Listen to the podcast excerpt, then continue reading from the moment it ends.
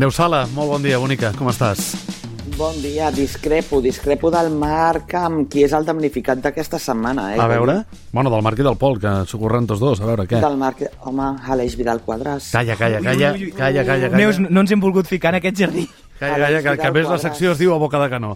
Vull dir... És que és fortíssim. No, no, no ho espaiem. No, però escolta'm una cosa, posem-nos seriosos. Sí, sí, Perquè no. Déu-n'hi-do, déu nhi déu aquest tema...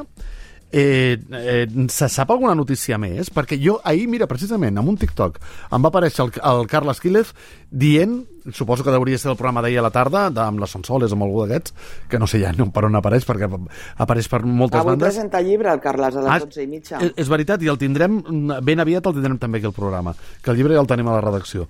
No, t'ho deia perquè deia que ja s'havia identificat a un dels, eh, dels que van participar en aquest, en aquest eh, tret al a Alejo Vidal Quadras. Se sap alguna cosa més? Jo, fins que la informació no sigui oficial eh, de la policia, no m'atreveixo a, a parlar d'això. La policia manté un secretisme important. Eh, el primer que va apuntar al propi Aleix Vidal Quadras, que és el que ens va trastocar el cap a tots, era que ell creia que podia ser obra de, uh, de diguéssim, de l'oposició del al règim iraní. Eh, sembla ser que ell té relacions amb el govern d'Iran. Els policies no tenen tan clara aquesta via, no en descarten absolutament cap. Recordem que Aleix Vidal Quadras és, o ha estat fins fa poc eh, dirigent de Vox, que eh, els ànims estan molt calents, o que pot ser... Però és que no, no obeix en absolut a un intent de robatori. Eh? Això és una, una, un ajuste de cuentas que li va, haver, li va treure ferro ahir, o li va intentar treure ferro ahir, crec que el propi advocat de l'Aleix Vidal Quadras, perquè deia que no va haver intencionalitat de matar. Eh, recordo que la bala li entra per la mandíbula i li surt per una banda de la cara. Doncs si no va haver intencionalitat de matar, un tret a un metre o a dos metres es deia, més o menys, doncs qui A va disparar ten- cap, tindria és molt, molt bona punteria, eh? Clar. A l'alçada del cap és evident quina era la Home, intencionalitat, perquè si tu no tens intenció de matar, qualsevol sicari que no té intenció de matar, que només vol donar un susto, dispara les cames, no dispara de cintura cap amunt perquè sap que les probabilitats eh, de causar la mort són molt més altes. I, i, i per molt que gires a, a, a l'Aleix Vidal Quadres o que fes un mal moviment, el que és cert és que eh, la, la bala es va disparar a l'alçada del cap de, de l'Eix Vidal Quadres.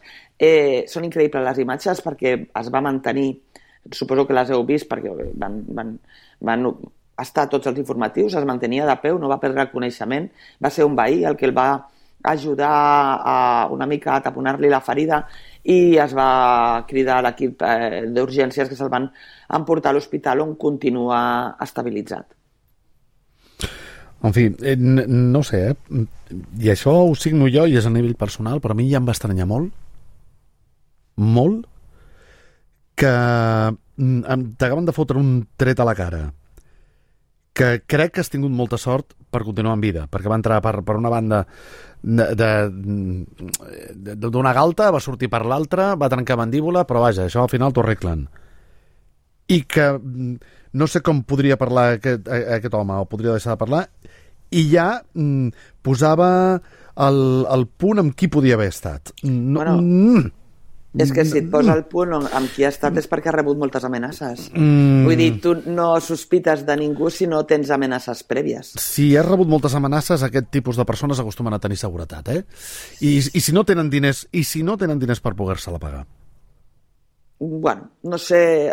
Hem de veure, hem d'esperar perquè tot és molt tèrbol, tot és molt estrany. Eh, Molt estrany, sí.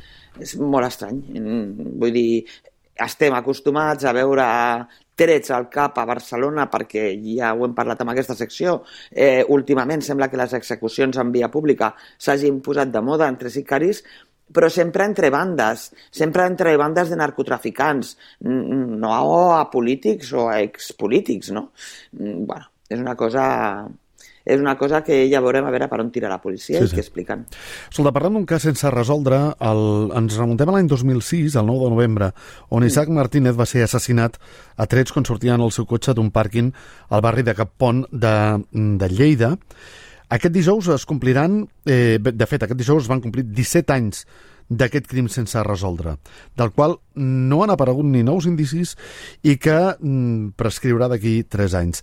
L'abogat de la víctima mm, vol, eh, volen eh, deixar el màxim de marge per eh, esperar nous indicis abans d'intentar anar a judici. Aviam, aquest cas va ser molt sonat, molt sonat en el seu moment a Lleida. Era un xaval de 26 anys, 26 anys que, no sé, si recordaràs, Goyo sortia del pàrquing amb el cotxe i el van matar pues això, va ser una execució al carrer, eh, a la mateixa rampa de, del pàrquing. Va haver una investigació bastant exhaustiva, molt, bueno, es va mirar absolutament tot i van acabar detenint una persona. No hi havia proves suficients per mantenir-lo a la presó. Sí que hi havia, es van fer uns estudis, en aquell moment la Guàrdia Civil va fer uns estudis d'uns anàlisis de la pólvora que es va trobar en el cos de l'Isaac i de la pólvora que es va trobar a la roba d'aquest individu, però no van poder concloure que es tractés del mateix residu i del mateix residu disparat per la mateixa arma.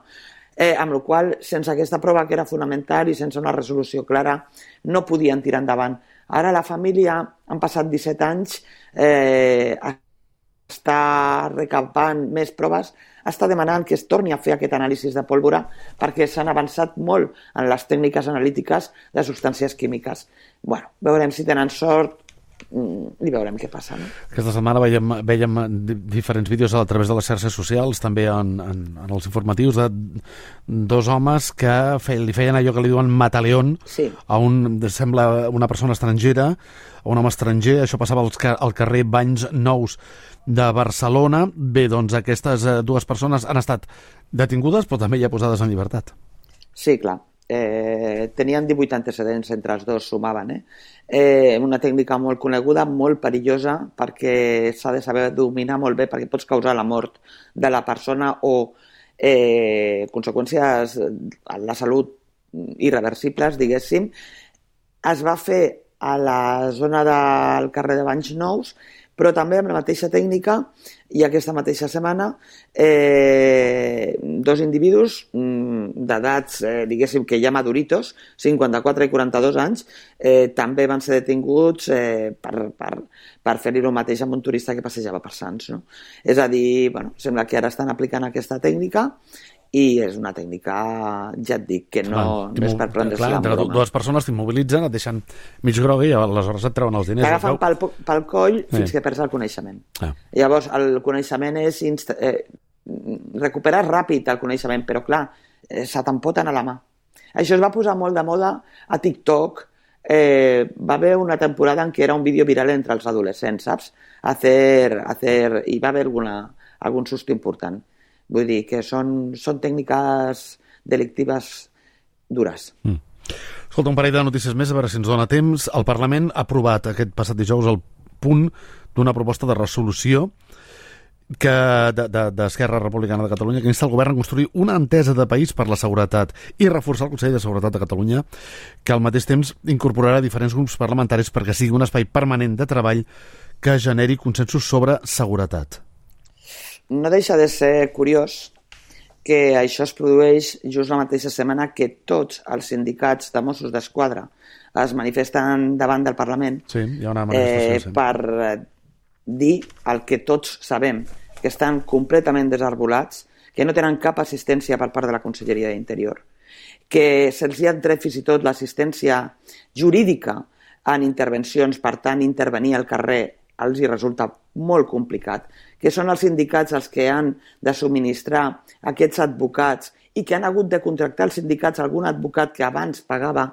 la Conselleria Interior per donar cobertura jurídica als seus policies i que ja no fa. Llavors que facin un consell per parlar de la seguretat quan a, a dins dels Mossos la política de seguretat és diametralment oposada a la que necessita el cos i de, de fet ells mateixos demanen un canvi de 180 graus, em sembla, si més no cínic, sort que el PSC va fer un apunt demanant que es comprometi la Generalitat a l'assistència jurídica dels seus agents. Escolta, un parell de minuts, un minut i mig per comentar aquesta reformulació de la unitat antidisturbis de la Guàrdia Urbana de Badalona. Xavier García Albiol mm, reformula aquesta unitat en un grup eh, especial d'intervenció policial. Eh, serà un grup especial amb 14 agents. Sí, un grup especial eh, que intervendrà, mm, diguéssim, donant suport a les arros de Mossos d'Esquadra, és a dir, amb, amb situacions de violències, eh, sortides de discoteques on hi hagi baralles i aquestes coses. Són 14 agents eh, amb un uniforme eh, determinat, determinat i amb un logotip que simula el dimoni per fer-li, diguéssim, una referència al símbol de la ciutat de, de Badalona i, i també reforça la plantilla amb 46 nous agents eh, que s'incorporaran a la policia local de, de Badalona. Mm -hmm, molt bé. Aniràs a la presentació del llibre del Carles? Sí, justament eh, ara quan acabi amb tu em preparo, agafo el cotxe i me'n vaig cap a Barcelona perquè em fa il·lusió veure el Carles i, i, i bueno, agafar i poder llegir un dels seus llibres. Uh -huh.